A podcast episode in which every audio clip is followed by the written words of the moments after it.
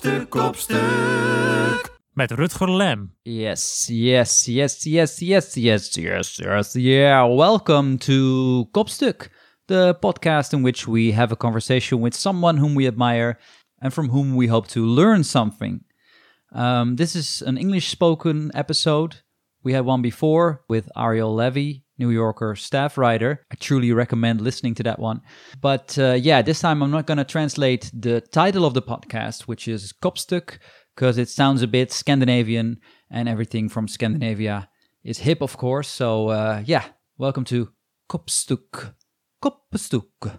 My name is Rutger Lem. I'll be the host of this episode, and I talk to Nana Kwame Adjei-Brenyah, the Ghanaian American author who is truly one of the most impressive people that I ever had the chance to talk to. Uh, he is only 27, I think, or 28, and he's just brilliant. His uh, short story collection, Friday Black, was in the New York Times bestseller list for a long time, and uh, is just uh, one of the best books I've read in uh, a few years. I'll talk about him in a in a minute, but uh, first of all, I want to address the situation that we're currently in. I want this podcast to be timeless. You have to be able to listen to episodes in the far future because the life lessons that we get from our guests are relevant, you know, whenever. But uh, yeah, this is just such a unique situation uh, that affects all of us. And of course, in this crisis, you know, as with any crisis, the problem that seems to be the problem, the virus, COVID 19, is not the actual problem. It only highlights the problems that we're already living within our society the problems with our healthcare system, the problems with the way we treat nature as another product that we can consume, the inequalities within our society. You know, I don't know about the numbers in Holland, but in the US, African Americans have a way higher chance to get COVID 19 than white people. And of course, poor people will get hit by this crisis even more when the economic crisis will arrive later on. So, yeah, it's a very scary, very insecure, very surrealistic time uh, that puts us all on edge, I think. You can maybe tell by the way I'm talking right now. It really made me want to buy some Scandinavian stuff off the internet, which I did. I bought a lot of Scandinavian stuff during lockdown. Lockdown? I talked to Nana Kwame Adjei-Brenyah before the pandemic. I also read his book, Friday Black, before the pandemic, but it really puts a finger on all of these problems. Within only 200 pages, he conveys with a razor sharp style uh, what it's like to live today, especially as a black person living in America, which I am not, of course. But Nana manages to exaggerate these problems that we have in our daily lives, all these details that they depend on in a way that makes you feel them in your bones. Like, for instance, in the first story, The Finkelstein Five, the protagonist is a young black guy who scales his blackness down when he is in public because his life depends on it. When he goes outside, he scales his blackness down to a 4 on a scale from 1 to 10, which is an absurd thing, but it's also very true. And he does that all the time. There's uh, the story The Era, which is more a sci fi story taking place in the future, where people have become so detached from their emotions that they just go about their days in a robotic way. Or The Lion and the Spider, which is about the way his father told Ghanaian folklore stories when he was a kid, which is a more grounded story. And there are the retail stories, which are based on his own experiences as a salesman in a mall, the Black Friday craziness comes in there when we uh, are so obsessed with discounts that we are actually willing to murder each other. It really reminded me of my friend Etgar Keret's short surreal stories, and of course of George Saunders, his surreal short stories, which is not a coincidence because George Saunders was one of Nana's mentors and someone who always believed in him. He's actually on the cover of the book. He says, An excitement and a wonder. It is all very uh, creepy and funny and crazy and very surreal, and I really loved it from the beginning to the end. The book opens with a quote from Kendrick Lamar, who I also really love, and it says, Everything you imagine, you own. And I think that really sums it up. That's about, uh, you know, poverty, about racism, about consumerism, and about the power of imagination. You know, if you have that, you don't need anything else. And that's one of the lessons that Nana taught me. And he taught me a lot of other things. And it was great to talk to him. And I hope it's great for you to listen to my conversation with Nana Kwame Ajay Brenja. So Where did you arrive from I was, today? I was in Cape Town earlier ah, yeah. yesterday or wherever. I don't, time is weird, but Cape Town to Dubai to here. Jesus. Yeah. So, la- so you had a layover in, in Dubai. Okay. Just the airport. Yeah. I've been, I'm gonna by the time I go back home, I'm gonna have gone to the Dubai airport three times. I'm gonna go back. Going, I have to go because Emirates. I have to go again to go home. Ah, It's like a huge airport. Yeah. I mean, it looks like a mall, which I don't prefer, but like you know, it's huge. yeah. Like you have to take like trams and stuff to get to the A, B, and C of it. Yeah. Yeah. Um, yeah, well, uh, nice that you want to talk to me. Yeah, of course. Or did you did they made you talk to me maybe? It's compulsory. no, I'm just kidding. I Yeah. appreciate the chance to. This is my first, you know, hour and a half here. So anyone that like, it's still weird for me. Anyways, you know, it's weird for me that it's real, yeah. especially when I'm like kind of like almost like drunk from flying. Yeah. It's like I'm like, is this even real? You know? Yeah, exactly. Yeah. So yeah. So it but that must add to the the feeling of the book. So you're still in in the in the surreal atmosphere a little bit. Yeah. I have been for a while now. Everything is everything is crazy. Uh, and I must say, I, I, I feel a little bit self-aware talking to you because I just finished the book like last night, Oh yeah, yeah. and you can you can tell that you have a really really fine eye for uh, details of human interaction. Oh yeah, yeah, yeah, yeah, yeah. So- no, I'm not like you know. What, cleaning everything. I know what you mean, though. I think about it a lot whenever I talk to like authors, but also journalists. You know, Yeah, it's uh, you know, we all kind of get good, pretty good at watching people. I think I just like write it down. Yeah. you know. Yeah. But for sure, I think about that too when I talk to authors. Like, am I if I are they gonna like you know note that I some anxious habit I have or something? Yeah, yeah, yeah, yeah. in, in the story The Era, there's this part where uh, uh, where he's at the family who, who are still doing it the old way. Yeah. And and the father puts puts a hand on his shoulder and he says like the hand is um, Strong and heavy. strong strong slash heavy. Strong slash heavy. Yeah. I, I I like that self awareness. You know, it's like I always feel that way when someone puts a hand on my shoulder. I guess. Yeah, yeah, and you know, and for him, I don't know. Are we, this is, we're we're in, are we, you know. Oh yeah, this is how it goes. Yeah, okay, good. I don't want to. I was like, I was like, I don't want to like waste the stuff, but yeah, it's um, for him especially that character, he's not used to being physically touched at all. You know, so he, he would like for me, it's like he would for sure note it. You know what I mean? So sometimes I think about that stuff particularly though. Like I'll even like. What, what would I think about that? And I try to like mime stuff, but for him, I think he would for sure note anytime someone touches him physically, it's a thing he's gonna like have something to say about, at least mentally. yeah. Because were you awkward as a kid or? I'm awkward now, still. as you can see. No, I'm. Yeah. Uh, I think I. Yes, I think I was. I think I am. Um, I think we all are, but you just kind of get better at hiding it, tucking it in a little bit. But um, yes, I think I was for sure. But and you were a fantasy nerd. Would you say that? Or- Yeah, yeah. Um, I yeah, I think I'm a nerd of many like different types, but like I uh, I do Many like faced nerd. Yeah.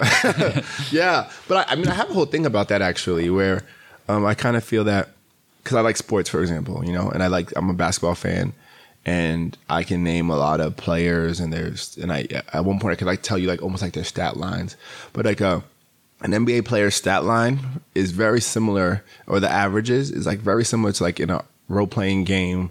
Their attributes. Oh yeah, yeah. It's yeah. a similar thing. Yeah, yeah. And so for me, like the cards and yeah, you know, the nerd, the, the nerd thing is for me. It's just about like willingness to like deep dive into something, and like if I'm into it, I'm super willing to. Excuse me, I um grew up on on anime and manga, so I know like at one point I could tell you like the name of every Naruto character and like rank them, you know. Yeah, yeah, yeah. Um, and so for me, it's a it's similar impulse, and I think it's, it's for me. It's I think it's interesting how like basketball fans are like these like fans that it's so this so different thing, and almost it's made to be like the antithesis of like a.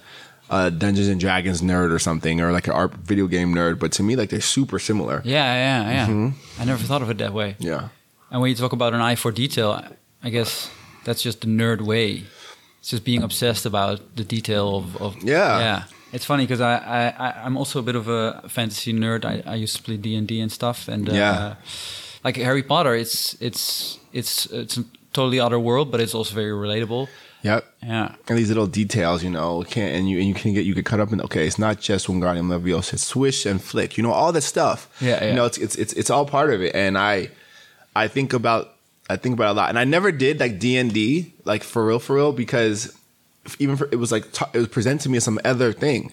I was playing role playing games, like I know Final Fantasy and that kind of stuff, Yeah, like yeah. video games, but I didn't have the the group of people to do like have like a dungeon master and do all that stuff. The first until very recently in the in Syracuse where I, I was teaching, some of the students do D and D, and we actually did another not D and D, but a similar. It was like Fate Core or some similar thing where you plug in like other. We, we used the Avatar Last Airbender as like a as our, our story, and I was like, this is just real time story like making, and Yeah. I'm looking forward to like trying to get a class made where we can use like that model because storytelling is so solitary often Yeah. like like social storytelling like i wish that's what d&d was sold to me as i look forward to like getting to be like a kind of person who play d&d with a group you know Yeah, and keep yeah. it going for a long time Yeah. So it wasn't socially acceptable, you say, but but uh, it just wasn't like around yeah, yeah, yeah. you know for us Yeah. uh, like, it wasn't And is it, uh, does the same go for writing?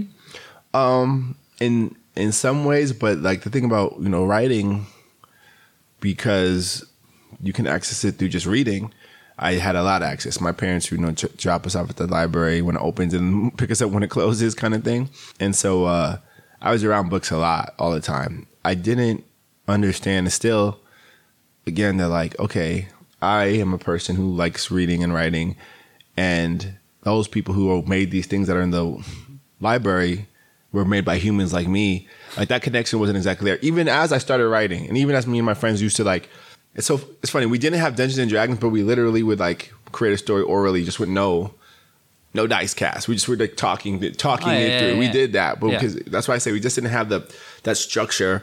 But we did it. We and we would be all be like the dungeon masters at once Yeah. and like sort of just remember keeping it in our heads, literally like keeping it going for a while. Then eventually I tried to write my own stuff, fantasy style, but like I never really thought like, okay, I want to be an author. I didn't have the maybe capacity or courage to like think that because it just wasn't. I had never seen an author before. Yeah. So it wasn't within your reach. It didn't just seem. It didn't seem possible. Almost like a fantasy world. Yeah, Far it's like away. an yeah. other thing. hmm Yeah. And and the book opens with a quote from your mother who says like, uh, "How can you be bored? How many books have you written?" Yeah, yeah, yeah, yeah. And she said that, um, you know, I had not expressed any interest in like to her to want to be a writer. It was like, don't you shut up. But you know, the, her saying it that way was specific. You know, yeah, yeah, yeah. you can always be reading something. You can always be doing that. That's like my parents' sort of attitude and energy. Like almost like, "How can you be bored? Have you cured cancer yet?" Yeah, yeah, yeah, yeah, yeah, yeah. yeah, Um, exactly. yeah. But so so d- she did encourage you in in a way. Yeah, uh, both my parents were sort of encouraging in that way. But that said, they're um, Ghanaian immigrants to America, um, and they, for them, being a writer or artist is not really, it wasn't really like a thing like that. You No. know, um, it was kind of like you got to be like a lawyer, doctor thing. And even when I got the MFA, they were okay with it because I was kind of like Nana's a teacher. You know, like that's how they thought of it. Yeah. 'Cause I was teaching at Syracuse University. The joke I tell when I was on tour was like, I finally figured out how to get your very immigrant parents how to co-sign your artist artistic career. And the punchline is, um, all you, all I had to do was get a profile in the New York Times. You know, and it's like, Nana's an artist. My son is, you know, all of a sudden it got cool again. Are you impersonating your father just now? Was it? Was Yeah, it, yeah, yeah, yeah, yeah. Yeah, nice. So Now you got credibility at home. they they became very into it. My father recently passed, actually, um, but uh, you know, Sorry. yeah, it's okay. He was um he was pretty happy about it. So Ah, it's great that he could still. mm, Yeah. he got to see it happen. Yeah. yeah.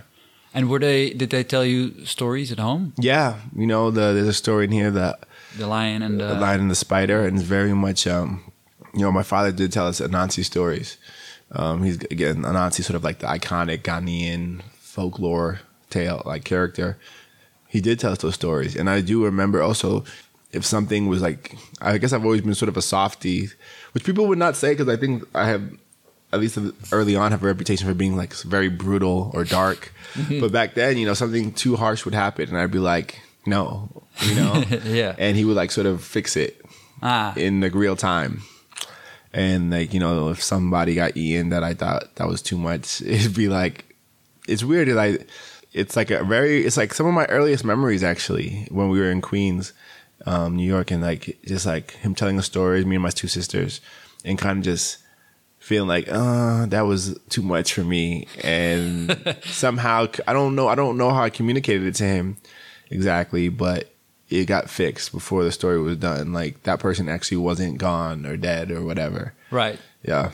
So he comforted you in that way. Yeah. Yeah. Yeah. And and your mom did what was her style? Um, I'm again. They're both they're both pretty tough, but you know, my mother, uh, she's all about like reading, so she'll like give me books. But her main stories are the Bible. Absolutely, ten times out of ten. So that, that's where the violence comes from. That's where I get the violence tree. Um, no, but you know, but like really though, you know, and so um, David is like my first like superhero. Yeah, yeah. and um and all from there on like you know it's a lot of the stuff and also what's his name um samson you know it's like uh very uh pretty tough and dark you know and um yeah and my mom was very big about like being well informed about that Yeah, because there's this, there's this quote in uh, in, in in the hospital where it says, uh, I'd learned that many of the things I loved, the comforts that made me feel good about myself, could disappear very slowly and also suddenly. I'd learned to hate then, to hate others for having things, to hate myself for not. yeah that felt pretty real. yeah pretty personal yeah. Yeah. it's i mean yes why yes um yeah i think um for a long time one of my main drives was like you know i mean and it's silly that i chose writing because like any other job will give you more money but uh seeing like oh wait like you know you can lose a house you know you can be evicted and then you can lose a house again you know you can be you can get evicted you know that can happen seeing that change something for me you know? And um it kind of like changes like what is childhood or maybe like a kind of an end of that kind of space where you're like wow if i don't do some thing in a certain way like things i have grown so used to and that sort of become the foundation of our sort of fa- family can be taken away. Yeah, what's what's so sinister about that and it's kind of connected to the whole capitalism thing in general is that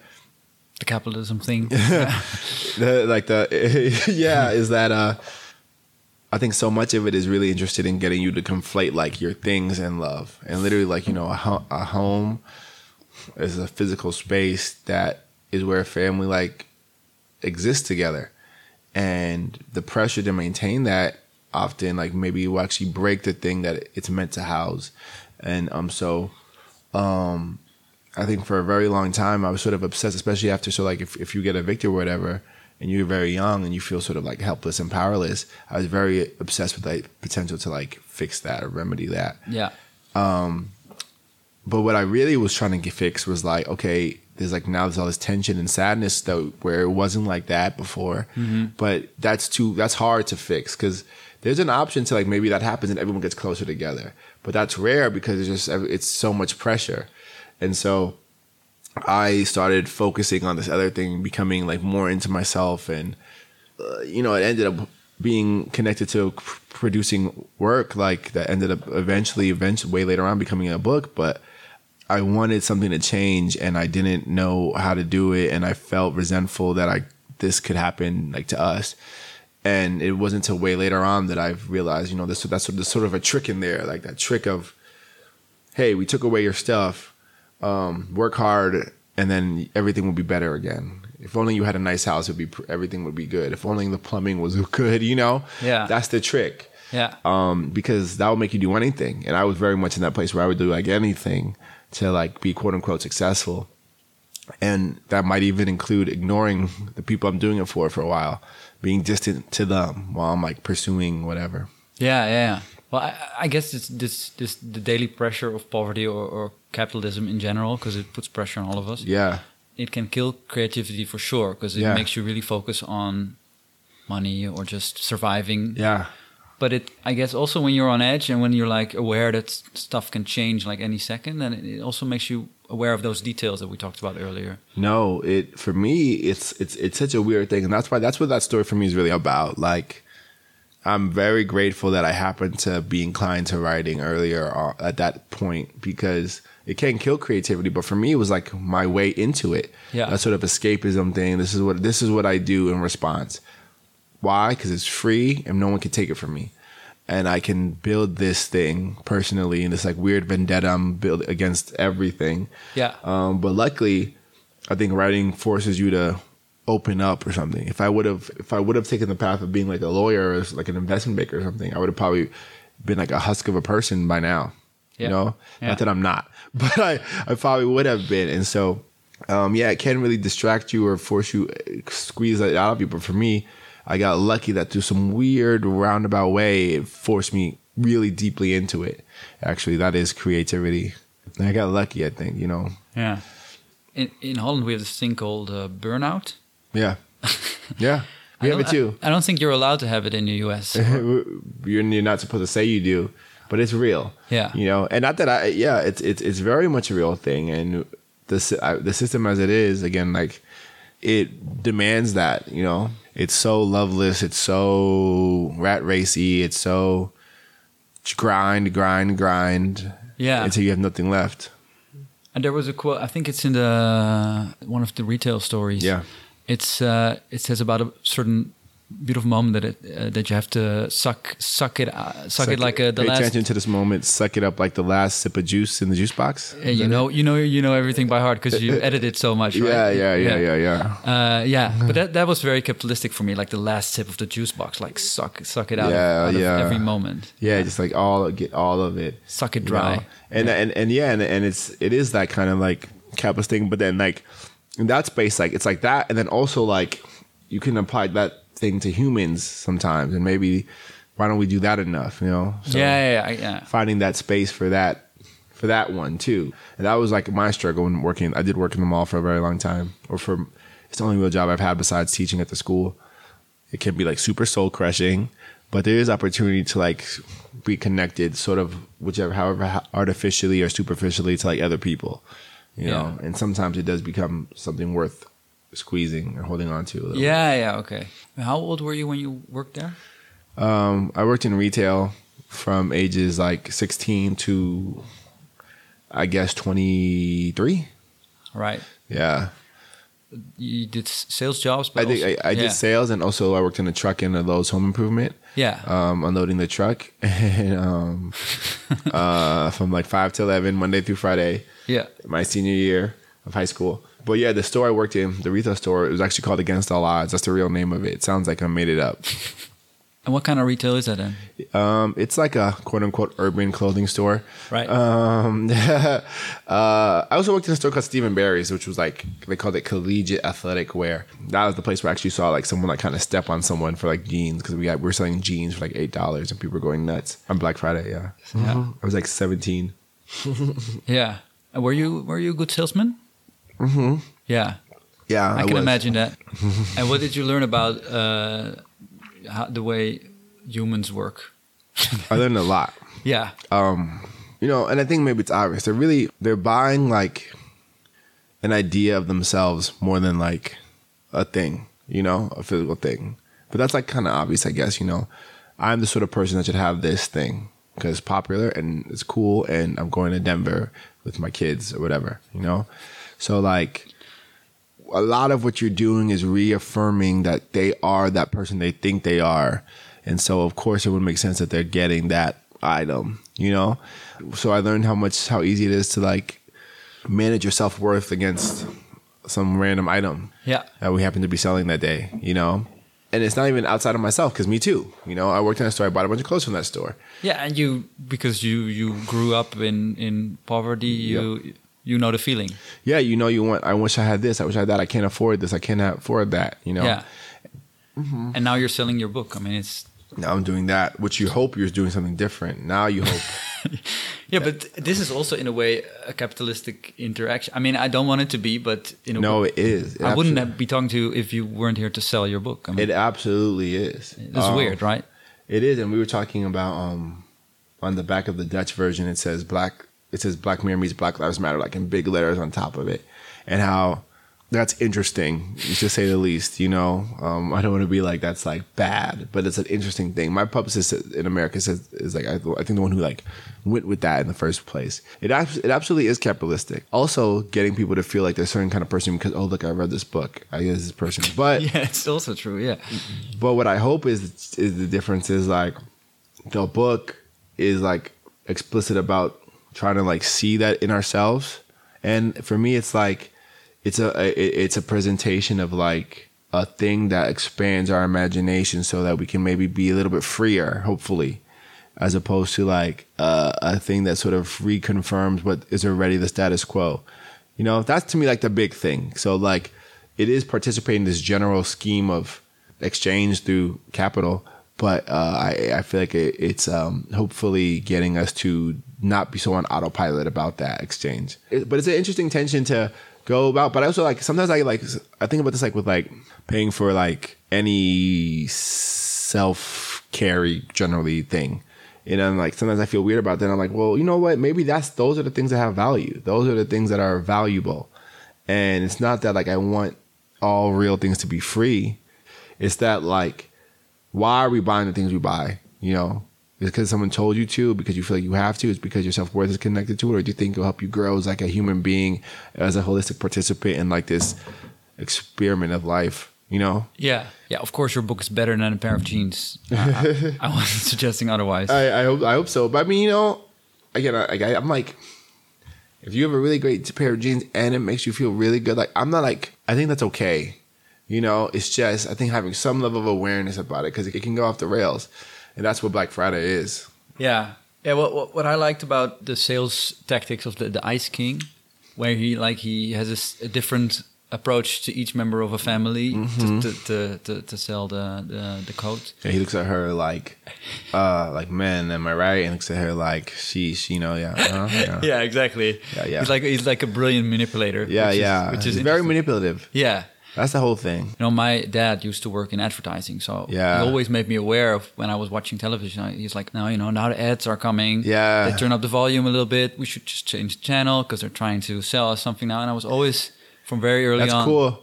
And he was like anti you engaging with it. Yeah, definitely, because he was so aware of how how, how much people he was uh, Wow, brainwashing. that's really interesting to think about that. Yeah. but I, I think it's also interesting how it influenced our, our daily life, you know, and Mm-hmm. it's like outside of stores and. Uh, but for me, it also goes back to the nerd part because n- nerds have a have a you know almost out of uh, necessity a mechanistic way of looking at the world. Yeah. But it's almost like we all do it now. There's the line in the Finkelstein Five where people give him a super friendly but also distant look. Yeah, yeah, yeah, yeah, yeah, yeah. Uh, there's also something tactical about that. Yeah. It's, Mhm. interesting. We all like we're all like I mean constantly like managing ourselves against like each other. Moving through the world in like a intentional way is like for sure um, a part of existing. And I think depending on the body you inhabit, like it becomes more and more of a thing because sometimes your outcomes are determined by your ability to do it. Your safety even is determined by your ability to like move in a certain way. So I think depending on who you are and what space you're in, it has to be a, a part of life. Did you become aware of your body and Yeah, you know, and so up? the first story, like Finkelstein Five, um, he does the code switching thing, and it's like with the scale, as we're using his against his blackness, and like for sure, I think I had to like, I remember undergrad, like I had like a pink shirt, like a pink button up shirt I would wear to go talk to like the the lady who like would do what do you call it, like the class advisors Yeah. because like it was like this like my least threatening appearance, you know, and it mattered, you know, like I, it was like a thing you had to do. Um, were you, I- you were a big guy now? yeah, you know, I've always, been I've always been a little bit taller. Yeah, I'm bigger now, but like you know, you know, I've always been I've always been like on the bigger side.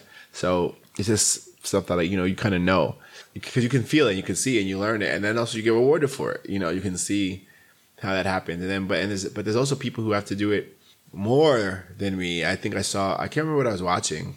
But anyways, this guy was like basically he was like, you know, queer people of color are like the masters of code switching. It's it's another level that I don't necessarily have to do that same way and like how they have to negotiate themselves to be accepted at any time and be and the the ti how tiring that awareness must be, you yeah. know. on all sides. Yeah, all and all and from you because you you know the people that should should be like your people might quickly shun you if they find out this part of you. And I know for sure for me, you know, as a just as a black person in America, you know, you become quickly aware of your ability to like sort of fit a space will determine like what's gonna happen. You know, your success of this interview or whatever. You know? Yeah, yeah. yeah. Not this interview, like Yeah. that. I mean, this like job interview. yeah, yeah, yeah, right, right. Yeah. Yeah. Do you remember becoming of, aware of the fact that you were black? Um, I don't remember when it happened, I think I remember when it was like I realized that oh my parents are African and that's different from like Black American Yeah. Because my parents would often tell me like you think I'm stupid because I'm not from here. You know they would like threaten me with like you know listen I'm not from here. They say that. Um, but I I grew up in Queens New York. Then I went to a place that was another minority community. There was less than 10 white people in my graduating class of high school. But somewhere somewhere before high school though I, I understood it. I don't remember when it happened. Yeah. you know even high school like I feel like I was an expert at like managing myself against whatever's you know a certain space Yeah. definitely by the time I was in high school, but probably way earlier than that. You know, probably you know elementary school. You kind of understand like this is uh, this will go better over here. Yeah. You know. yeah of course it's totally different for for me and recently there was this twitter thing where they asked like uh, tell me the first time you had a black teacher Yeah. and, and what was the experience and i was like uh, of course i had a i was like i i actually never had one It was Yeah. so weird That's crazy. that's so that's so but i was in detroit like uh three years ago with my girlfriend and that was like the first time when i would walk through a neighborhood and was like the minority yeah. and it was it was the first time that I was aware of being white. Yeah. weird. And I was always thinking like when I looked at the U.S. and the whole race discussion Yeah. uh, over there that you guys are having, I, w- I would be like, why do they emphasize uh, you know skin color so much? It's about you know not talking about this stuff. You should just you know be colorblind. The whole that stupid opinion. Yeah. But then I became aware, like, no, it's it's about becoming aware first. Yeah, seeing it. And Yeah. If you don't see it, it's like you know, they, they, some people just don't know. I've been so lucky that I've always been around like at least even different people. You know, uh, even if it's mostly black, like it's a lot of other things as well. You Yeah, know, yeah. and so and I'm still. I went to. I just came from South Africa, where like, man, talk about like like where the echoes of apartheid are like in everything. It's in everything there, and um, learning how the world is shaped by so many of these like forces that existed and so are so deeply entrenched. And there, it's it's it's really important. It's like it's right in front of your face because I was talking to someone. I had an event with someone who himself was displaced by apartheid, who himself is like, yeah, I'm kind of like desensitized to death because he, the life he grew up in. And he's like not, he's like in his 40s. And so, uh, you know, I, I think uh, the world is having that conversation. At least America is trying to. It's scary because of how wrong and and blind is a good word. Like we're talking about colorblind, just blind, blind. You know, some of the people are but I think the conversation being had at all is like you know something. But for sure, you know, and, and we don't have to get into our leadership and how absurd you know they are. But uh, it's it's important though that the conversation at least is getting is happening, and as people get to have experience, like you said, like you know, like getting to see somewhere else, like okay, this is what it is, you know.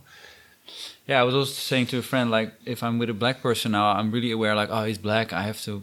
I'm I'm really aware of sort of the difference or institutional racism that's also a part of of the Holland. But also at the same time, you just want to talk to a person. Yeah, And he was like, yeah, the awkwardness that you feel, just that's you have to deal with that. I mean, just Yeah. stop, stop whining about it, basically. right? yeah, I mean, it's- yeah, yeah, yeah, yeah. You know, part of a transition, maybe, or yeah, it's yes, it's gonna be a growing process, and I mean, and and that's the that's part of it. You know, Yeah, it's a growing yeah. process, and I mean, like, and it's always you like, don't need to comfort me. I mean, no, yeah, you know, but I mean, the- but the, the thing is, we all have this. We're all like doing something similar. I think Yeah. people that are conscious of like the world in any sense, like you, there'll be people who say very like transphobic things by centering their own uncomfortableness with having to do something very simple.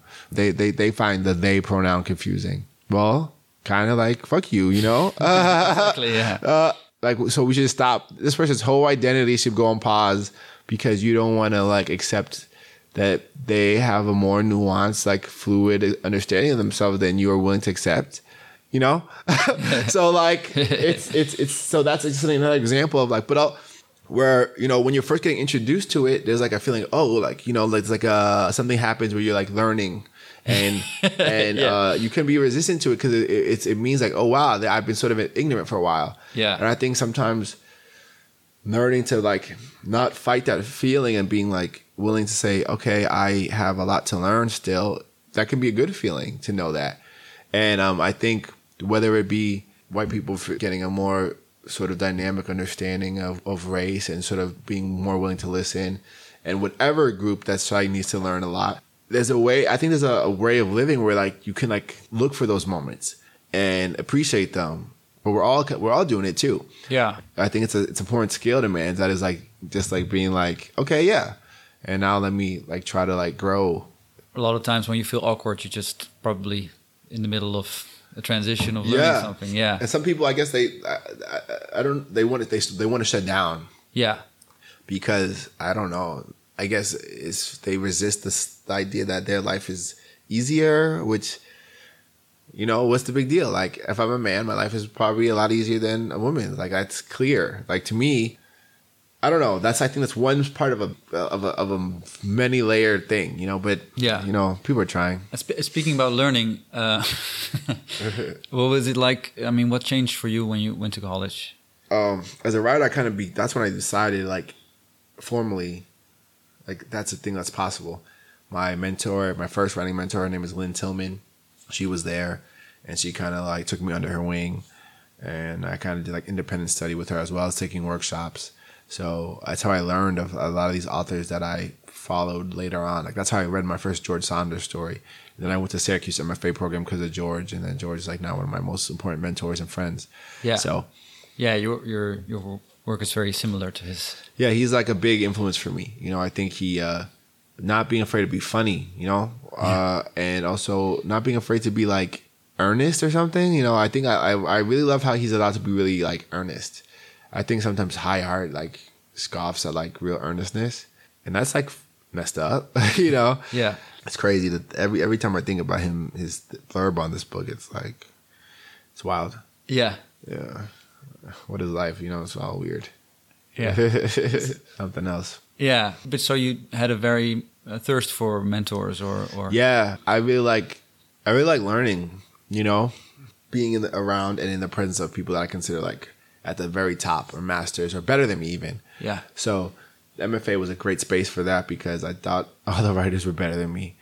So, you know, I don't yeah, I don't mind being around people that I think are better at what I want to do because it helps me grow. And I and I and, and that's why I try to compare myself to against even way before it was like even remotely similar.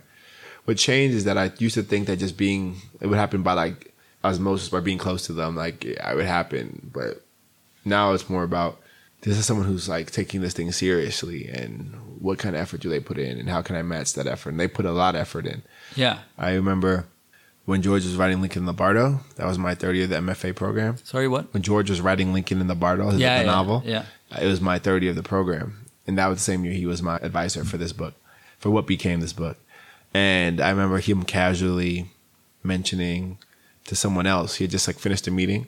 Yeah, the guy was like, How you doing? He's like, Well, you know, we're just doing the book, so like 16 hours a day, basically. And I remember being like, I felt it like in my bones, like, oh, you know, Got to step up my game. I was like, yeah, because I was like, I thought I was going hard, and I want to say I was doing like three or four hours every single day.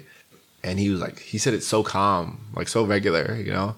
And I asked him about it after, and he was like, yeah, take like a little break to eat, and that's how he was doing for a day, like, go, reading it basically every day, back and front, you know, back and going back. And I was like, wow, you know, but it's almost like a Black Black Friday shift. I mean, it's it's crazy. yeah, it's it's pretty intense. It's that's that's really intense, you Yeah. know.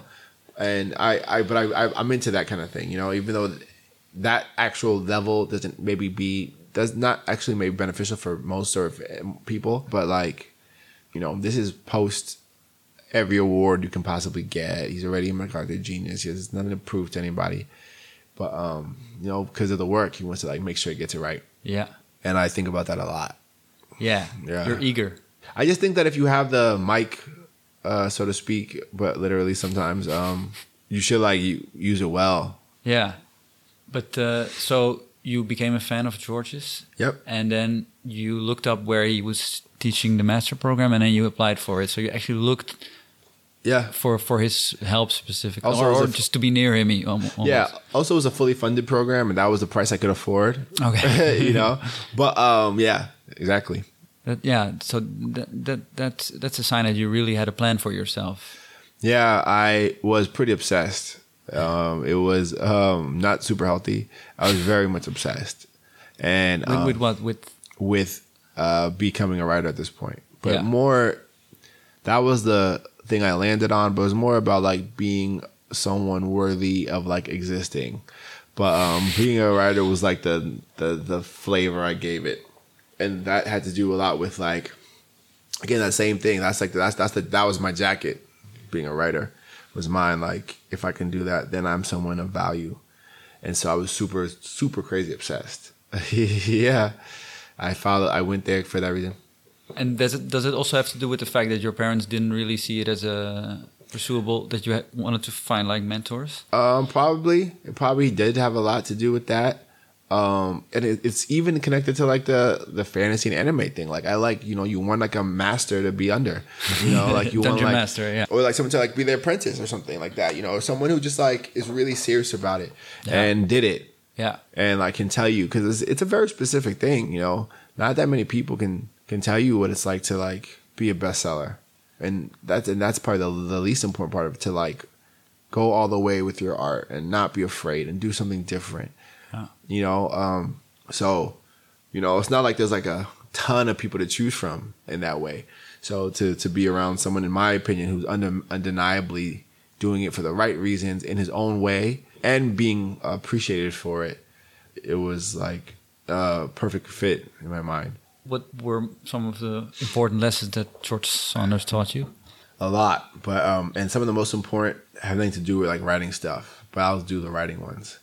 He helped me see through workshop and stuff that like the big sort of moral or uh, I don't know social, political, but like say moral problems of a story are solved on the sentence level, and that was a big thing for me because sometimes you could get hung up with like, oh shit, like am I gonna do this right or wrong, or am I gonna like if it feels wrong, it's a sentence problem. Just breaking it down, you can break it down to like wobbly, unclear sentence sentences that don't have the intentionality you want.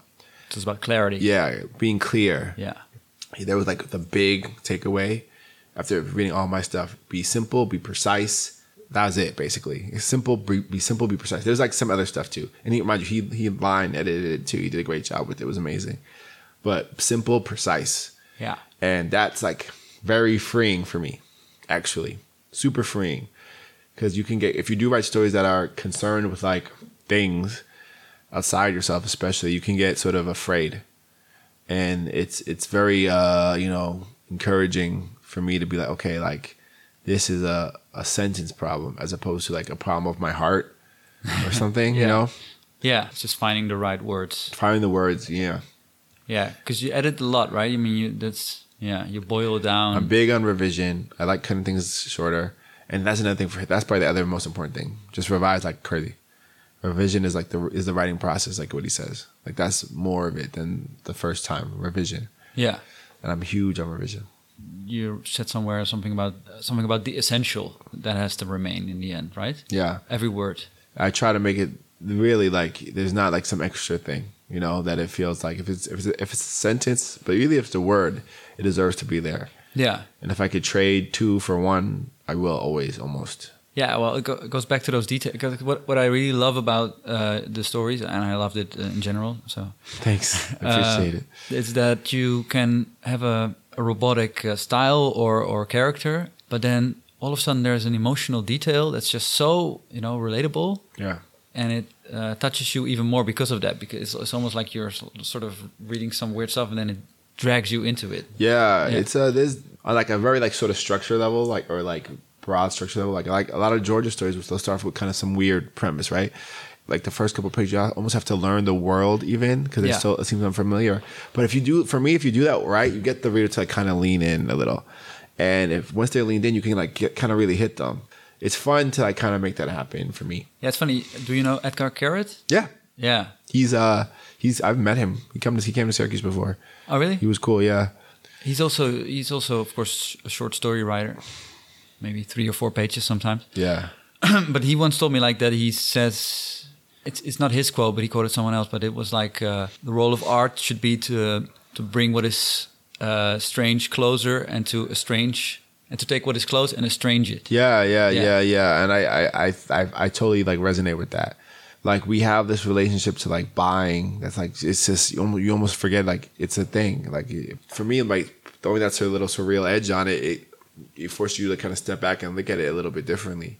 And yeah, and it's like you know, it, to me that process that he's talking about is key for like building your imagination to eventually like create like a change, some kind of big paradigm shift. Yeah, it's mild parody. Yeah. No, it's it's funny because it, yeah, there's a whole, of course, uh, you know, generation of artists coming up now who use this style, like Jordan Peele. You've been Yeah. compared to him, of course. Yeah.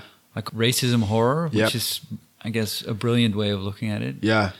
And also, of course, Kendrick Lamar, who you quote in the in the start of the book. I mean, I love Kendrick Lamar, but uh, this quote was very interesting for me because, you know, I'm a writer too, and for me, writing is uh, something where I really want to be really realistic, and I'm almost not interested in imagination or, Yeah. or fiction or stuff like that.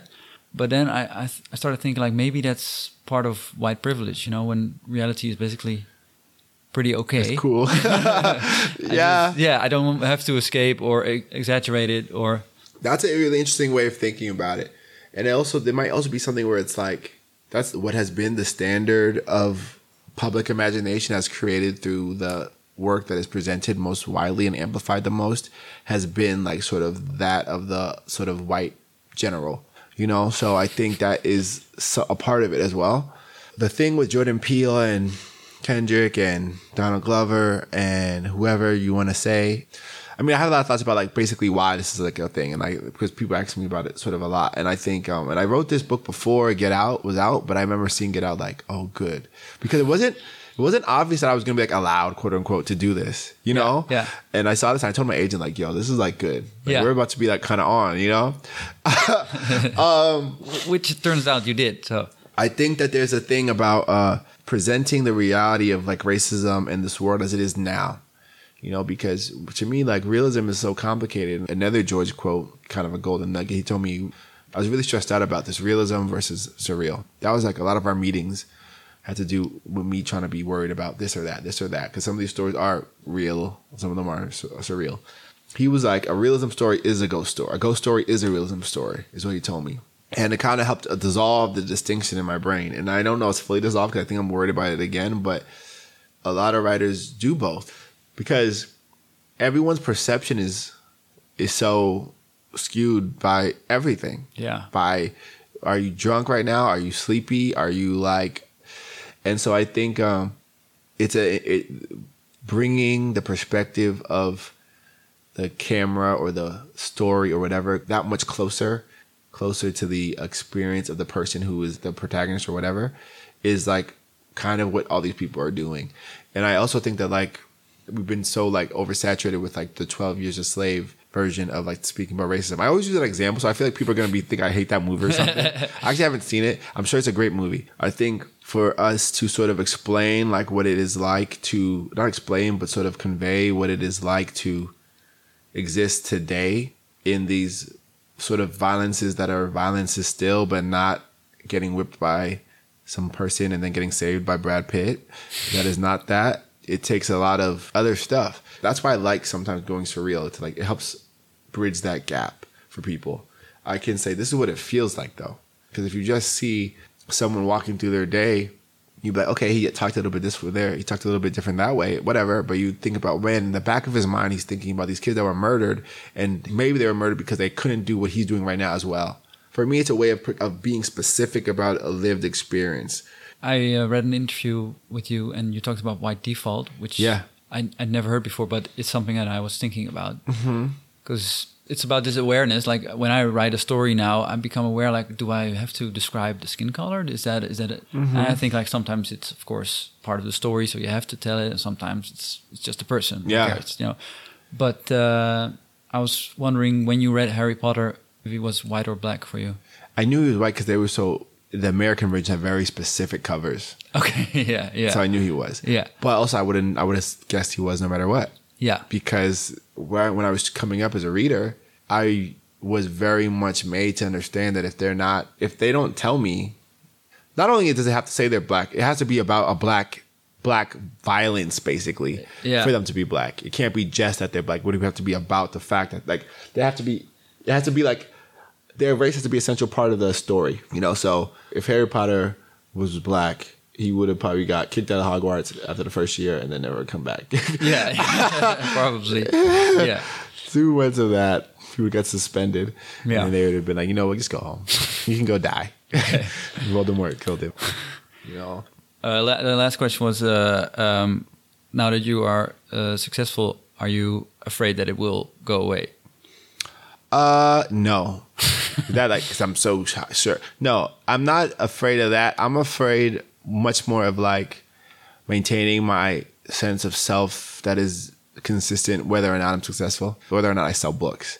I think that I know what it means to put your real self out on the page, and I'm proud to have like done. Someone asked me like to like I like these last questions because they're always like kind of more like intense.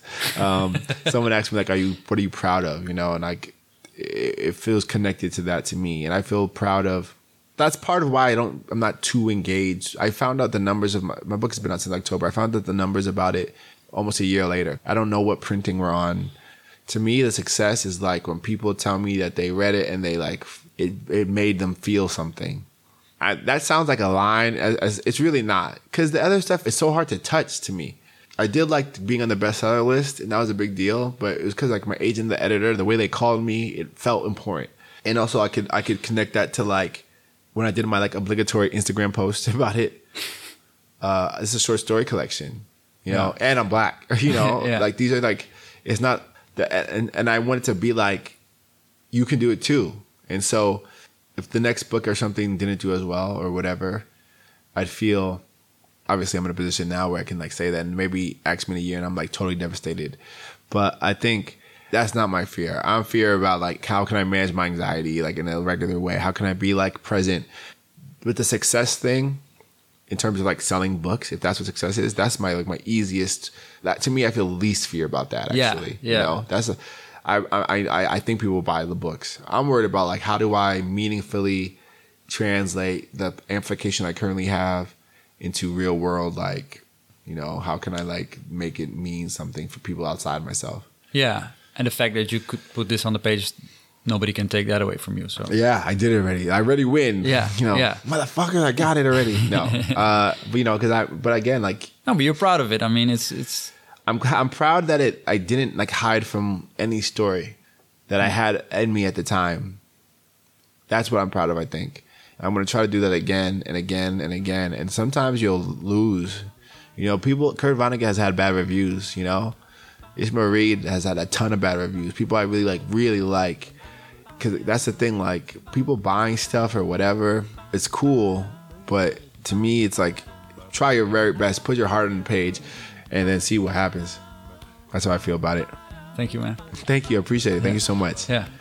Deze aflevering van Kopstuk werd opgenomen, gemonteerd en gemixt door Rutger met hulp van Maartje Smits en mijzelf, Kira Bouergen. Stuur ons een mailtje naar kopstukpodcast.gmail.com of laat een review achter in iTunes. Je kunt ons ook bereiken op social media als je wil. Altijd het Kopstuk Podcast. Kopstuk, kopstuk, kopstuk. Woo. Very exciting.